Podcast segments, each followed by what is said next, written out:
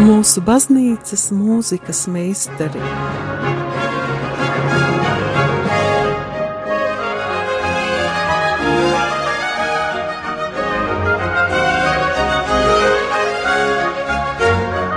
Studijā Dace Dreimane. Slavēts Kristus, dārgie radījumi, arī klausītāji!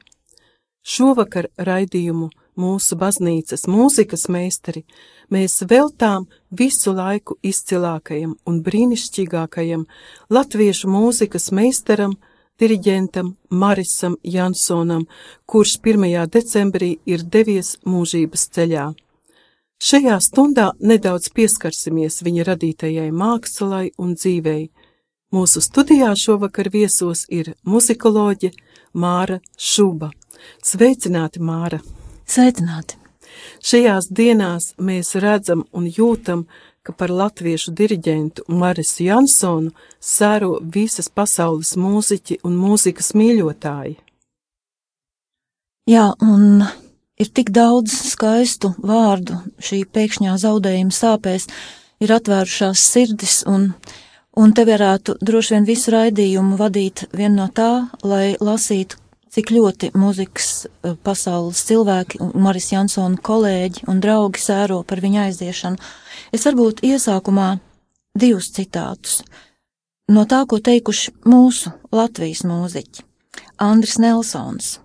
Mūzikas pasauli ir zaudējusi vienu no tās pīlāriem - lielāko, spožāko, izcilāko, vismīļāko zvaigzni. Un ērģelniece Iveta Apkalna, kura pavisam nesen šajā gadā muzicēja daudzos koncertos kopā ar Marisu Jansonu. Maris Jansona dzīve bija bez nosacījuma, bez kompromisa ceļojums mūzikas pasaulē. Viņš vēra jaunus apvāršņus pat jau zināmos opusos, atstājot neizdzēšamas pēdas katra klausītāja emocionālajā pasaulē. Ar Maris Jansona aiziešanu mūžībā, diemžēl, noslēdzas nozīmīgs mūzikas laikmets, kurā laikam un tā vērtībai bija pavisam cita nozīme. Lai skan 2007. gadā ierakstītā Franča Šuberta Mesa Sol mažorā, Kirija Marisa Jansona vadībā to izpildīs Bavārijas radio kūris un orķestris, solisti Ļuba Organašova, Kristians Elsners un Gustavs Belāčeks. Skanēja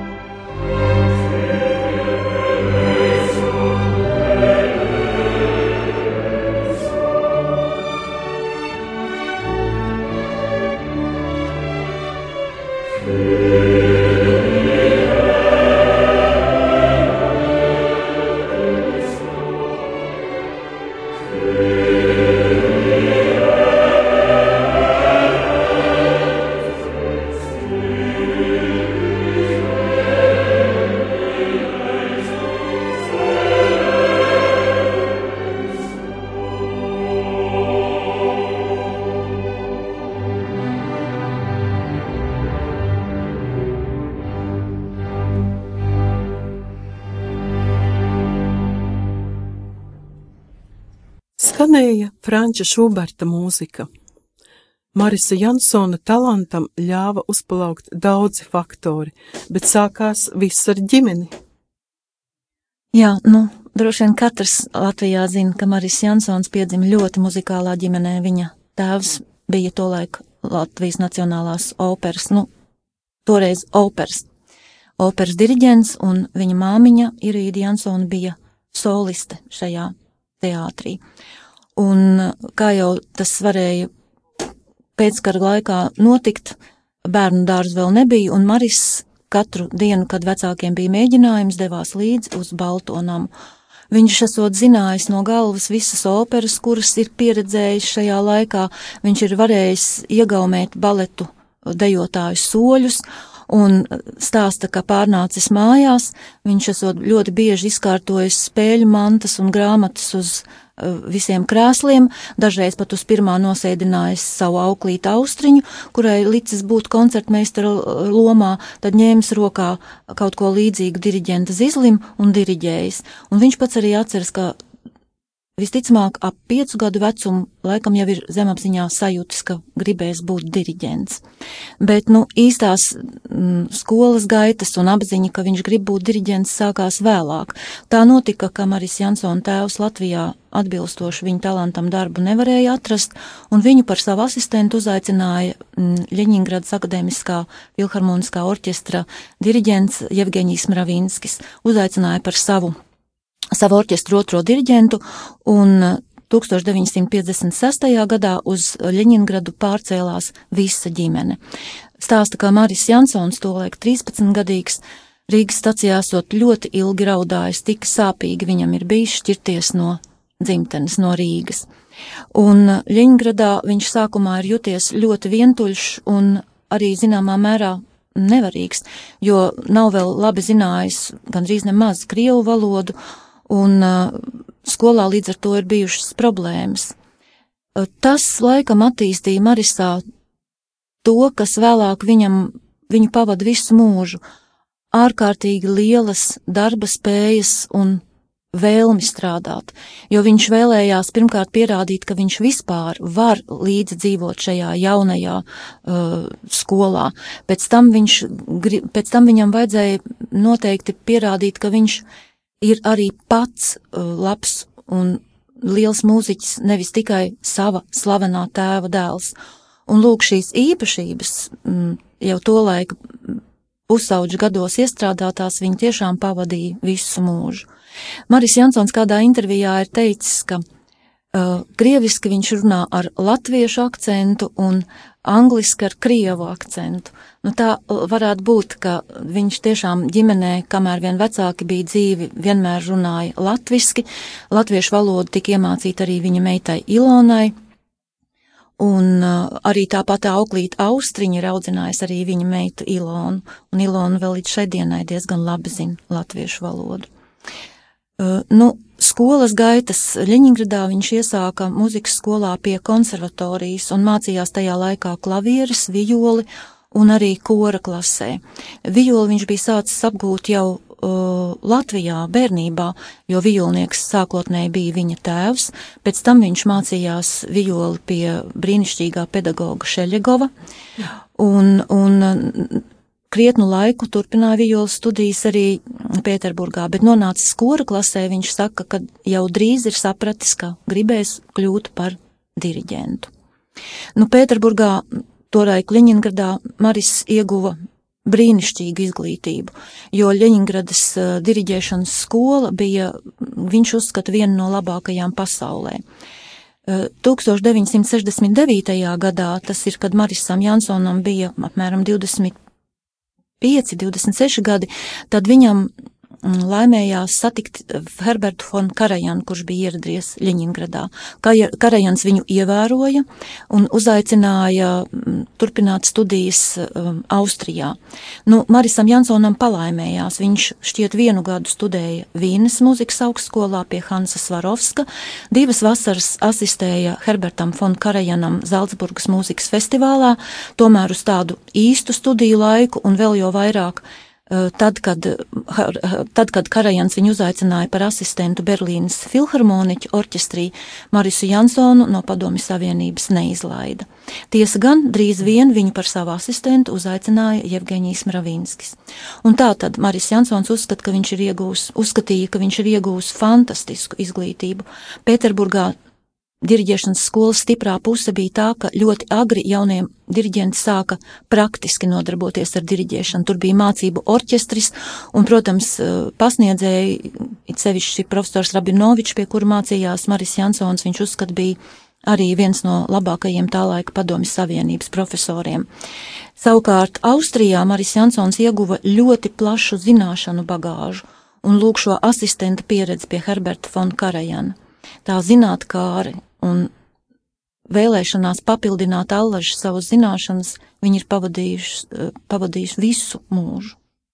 Nu, līdz ar to Marisam Jansonam nekad nebija tāds, neradās tāds jautājums, kā tas bija daudz, daudziem mūziķiem un arī dejotājiem 70. gados, kā pamest padomi savienību. Viņš savā sirdī ir tik dziļi pateicīgs uh, Pēterburgai par tur iegūtajām zināšanām, ka viņš teica, ka tās pilsētas maģiskais, maģiskā pievilksme uh, nezudīs nekad, un tā tas arī notika. Pēterburgā vienmēr bija Marisa Jansona mājas. Nu, viņš vēl ir arī teicis, ka kā viņi ir audzinājuši vecāki. Vecāki uzaudzināja man skaistajās veclaiku tradīcijās. Mamma iemācīja rakstīt vēstules. Es neesmu pret jaunajām tehnoloģijām, tikai mēs nedrīkstam aizmirst to, ko mums iedevis Dievs - sirdi, dvēseli un skaistas jūtas, kuras jāmāk izteikt. To mēs zaudējam. Savukārt, protams, profesionālās iemaņas, bez tā, ka Maris Jansons mācījās pie šiem izcilajiem pieminētajiem meistariem, viņš daudz ieguva arī no sava tēva. Kādā intervijā Gundai Vaivodei es atradu šādus vārdus. Es pats ar diriģēšanu sāku nodarboties salīdzinoši vēlu. Jaunībā pat iedomāties nevarēju, ka tā notiks. Daudz no tā, kas nebija rakstīts grāmatās, es pārmantoju no tēva. Diriģentam ir jābūt izglītībai, inteliģencei un psihologa dotībām. To visu var iemācīties, arī diriģēšanu kā profesiju var iemācīties. Ir viena lieta, ko jūs nekad nevarēsiet iemācīties - to, ko devis Dievs. Es mēģināšu to izteikt Tā ir iekšējā enerģija, fluīdi, kas orķestrim liek just, ka jūs viņus vadāt. Un tad viņš vēl daudzkārt piemin tādus savu tēva izteicienus kā neliec cukuru pie medus, tas ir nepārsaldini mūziku. Labāk viens labs koncerts mazāk nekā viens slikts vairāk. Un tad vēl, kad jāpieņem lēmums, nogaidi, kad sadzirdēsi, ko saka tavas sirds. Skaisti pateikts ļoti. Turpinājumā ofertorijas domina Jēzu Kriste no Antonīna Dvoržāka rekviema.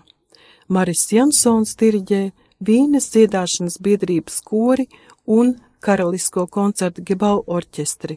Solisti Krasimira Stojanova, Mihoko Fudžimura, Klaus Florians Fokts un Tomas Kvasthovs ieraksts no 2009. gada koncerta Amsterdamas koncerta Gebauzāles.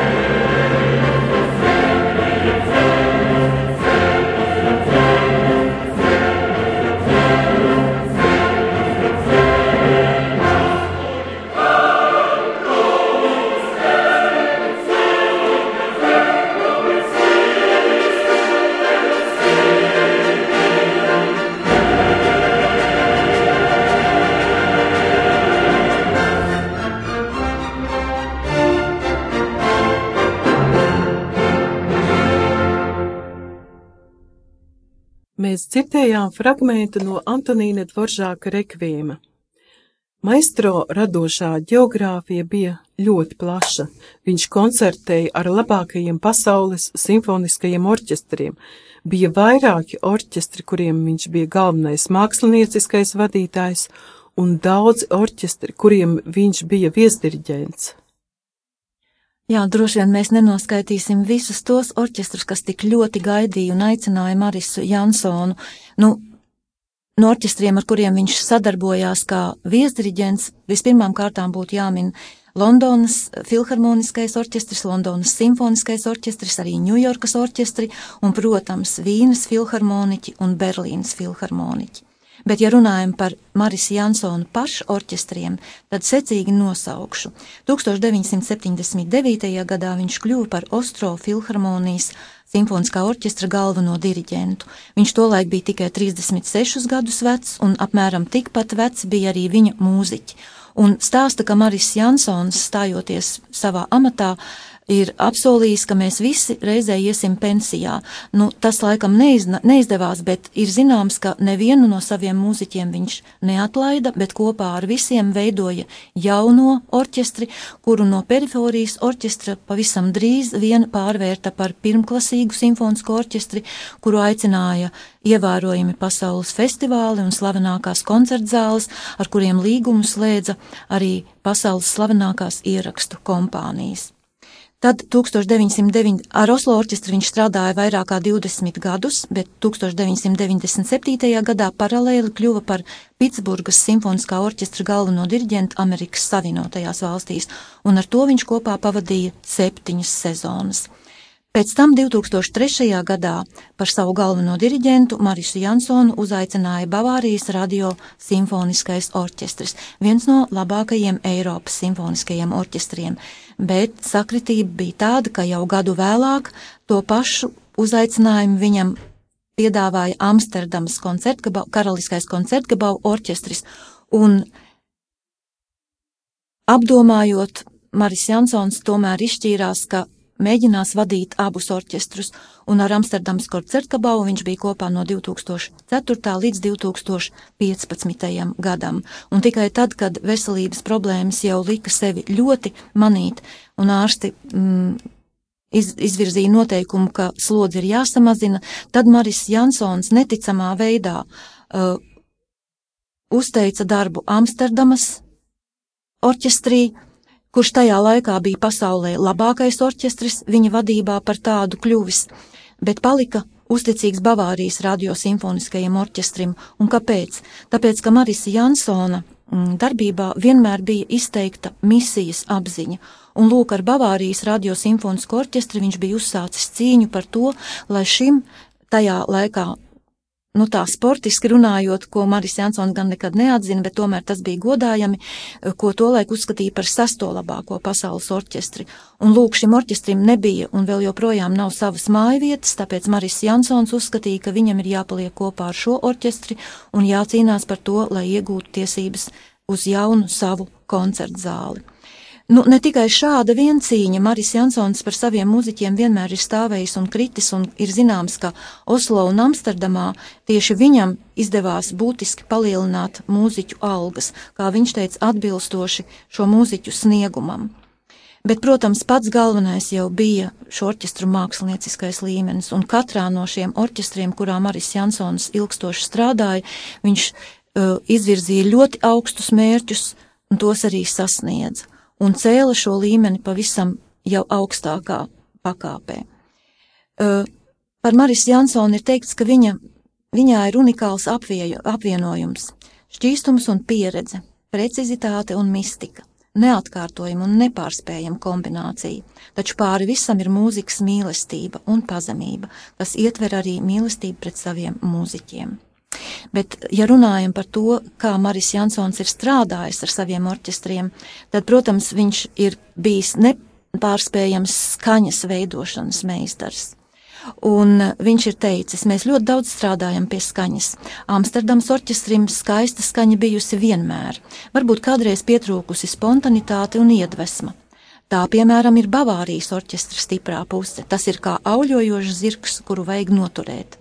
Amsterdamas mūziķi ir ļoti rafinēti, izlīdzinoši. Ziniet, ar katru orķestri jāstrādā arī ar Vīnes filharmoniķiem, un to viņš darīja katru mēģinājumu, kad vien ieradās. No pirmās līdz pēdējai minūtei tas bija interesants un aizraujošs darbs. Maris Jansons ir teicis, ko mūziķi sagaida no diriģenta - iztēli, iedvesmu, ir jādod tas, kas rodams aiz notīm - atmosfēru, fantāziju, saturu, kosmiskus apvāršņus, kas paceļ pāri tehniskām problēmām. Viņam katrs koncerts ir bijis ļoti svarīgs, kaut arī pieredze ļautu neiespringt, viņš ir allaž vēlējies izdarīt cik labi vien iespējams, un katru reizi mēģinājis atrast ko jaunu. Tāpēc ir ļoti maz savā dzīvē veltījis laiku atpūtai, bet pirms katra koncerta iedziļinājies no jauna jau viņam labi zināmās partitūrās, lasījis, meklējis, noskaņojies, un tieši tāpēc arī katrs koncerts ir izdevies unikāls. Maris Jansons teicis, ja pilnīgi esi mūzikā, ja tā aizkustina, tā ir saruna ar Dievu. Marisa Jansona un Bavārijas radio simfoniskā orķestra izpildījumā skanējas Beethovena 7. simfonijas otrā daļa Allegretto.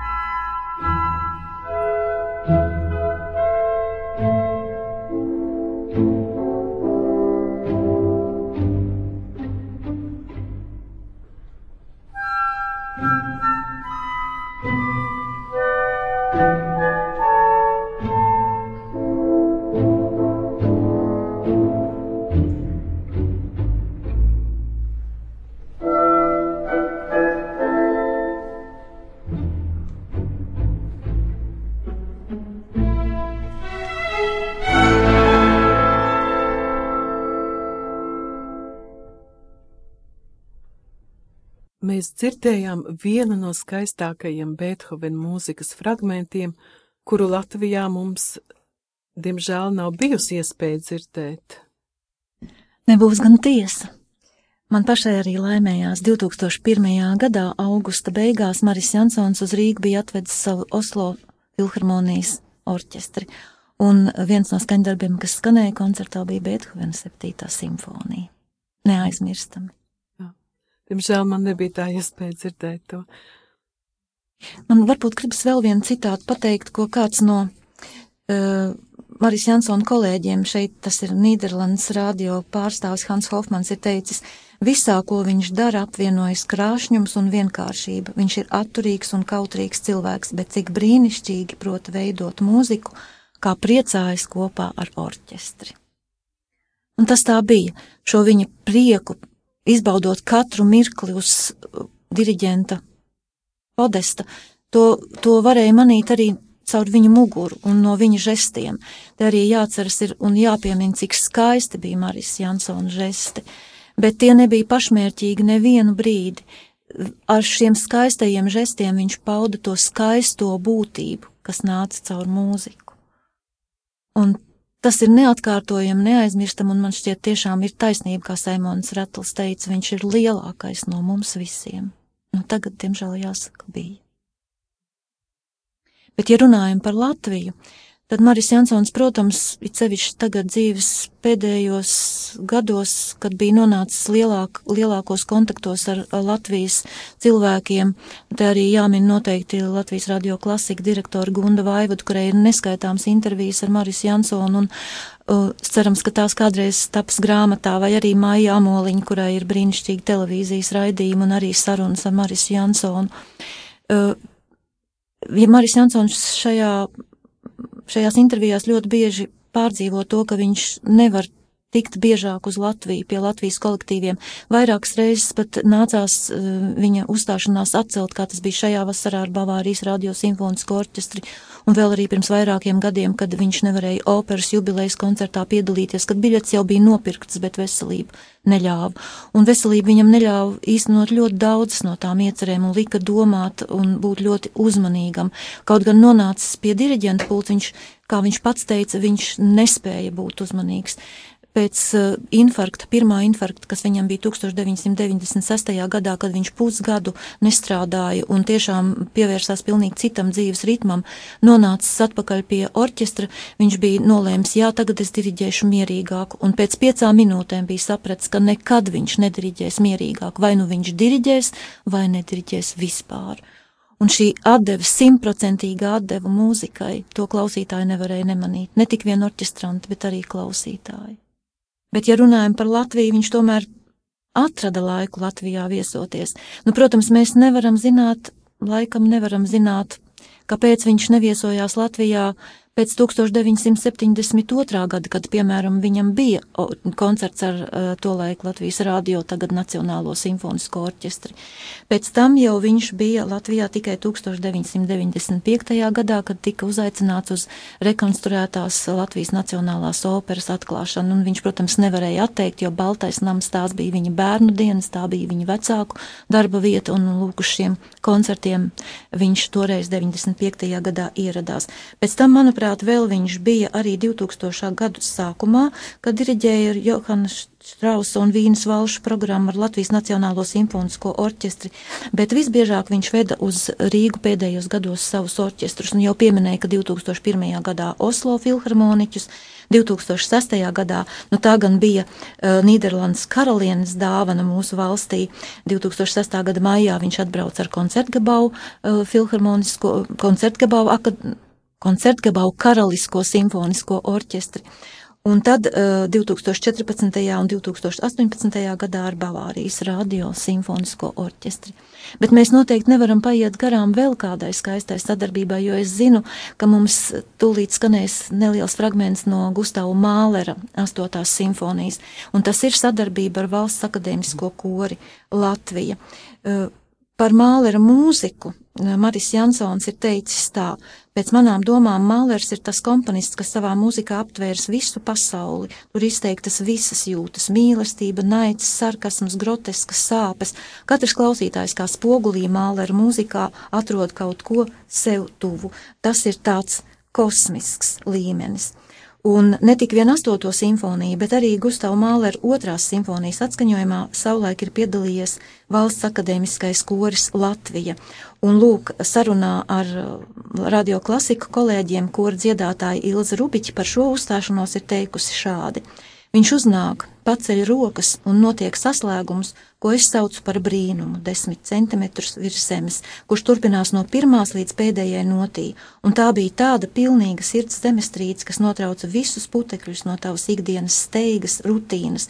Viņš tev aizved ar šo savu aizrautību un spēja pacelt pāri visam ārpus laika un ārpus telpas. Tas ir tas, kā dzims šī ideālā māksla, kas, manuprāt, bija ideālā māksla. Un Maris Jansons ir zināms uh, kopā gan arī savā laikā ar savu tēlu ir daudzkārt uzstājies ar valsts akademisko koru Latviju, aicinājis to uz saviem koncertiem, un man liekas, viņš kādā intervijā ir izteicies, ka uzskata to par labāko kori pasaulē, taču, diemžēl, nav viņa spēkos to aicināt uz koncertiem tik bieži, kā viņš vēlētos bet tomēr vairākas reizes ir notikušas, un tās tiešām visas bija saistītas ar mālē astotās un otrās simfonijas atskaņojumu. Un tas bija 2011. gadā Amsterdamā, gan martā, gan oktobrī, un 2013. Eh, gada novembrī bija Sanktpēterburgā un Maskavā, kad tika atskaņota Mālera otrā simfonija. Un, eh, bet Latvijā pēdējā reize, kad uh, Maris Jansons sadarbojās ar valsts kori, bija 2016. gadā koncerts Lielajā ģildē Maris Jansons un Raimonds Pauls. Bet tagad es domāju, mēs klausīsimies tātad fragmentu no um, Gustava Mālera 8. simfonijas pirmās daļas Veni Creator Spiritus, un to atskaņos karaliskais koncerta Gebau orķestris, um, atskaņojumā piedalās Valsts akadēmiskais koris Latvija, bet arī citi kori vēl un solisti. Mēs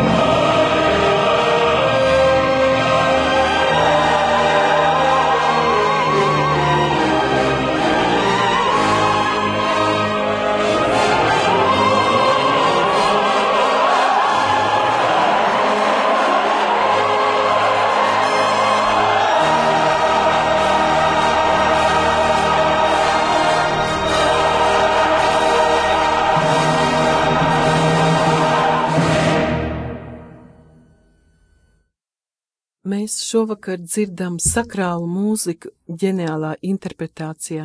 Es domāju, ka diriģents nespētu to tik dziļi mums nodot, ja viņš pats nepazītu Dievu. Par savu pārliecību viņš ir vēstījis arī intervijās, piemēram, sakot, es ticu Dievam un ticu, ka cilvēka dzīves ceļu lemj Dievs. Es ticu, ka Dievs ir katra cilvēka dvēselē. Es ticu, ka Dievs zina, kas ir pareizi, bet katrs pats ir atbildīgs par savu dzīvi. Raidījumu noslēgsim ar sanktus daļu no Šarlagu no svinīgās mesas, kas veltīta visu mūziķu aizbildnei svētajai Cecīlijai. To izpildīs Bavārijas radiokūris un orķestris Marisa Jansona vadībā. Thank you.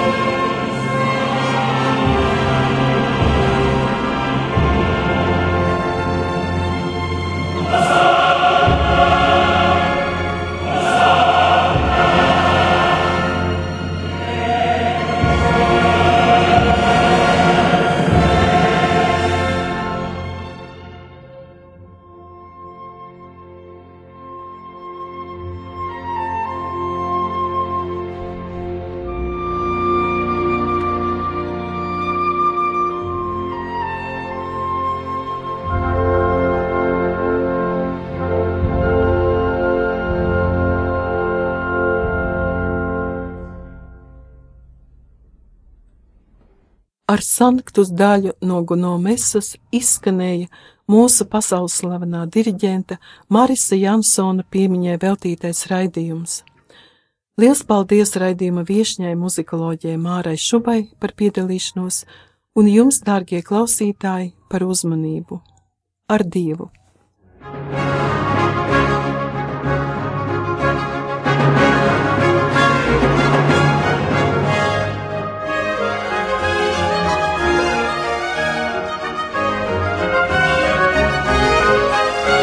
Mūsu baznīcas mūzikas meistari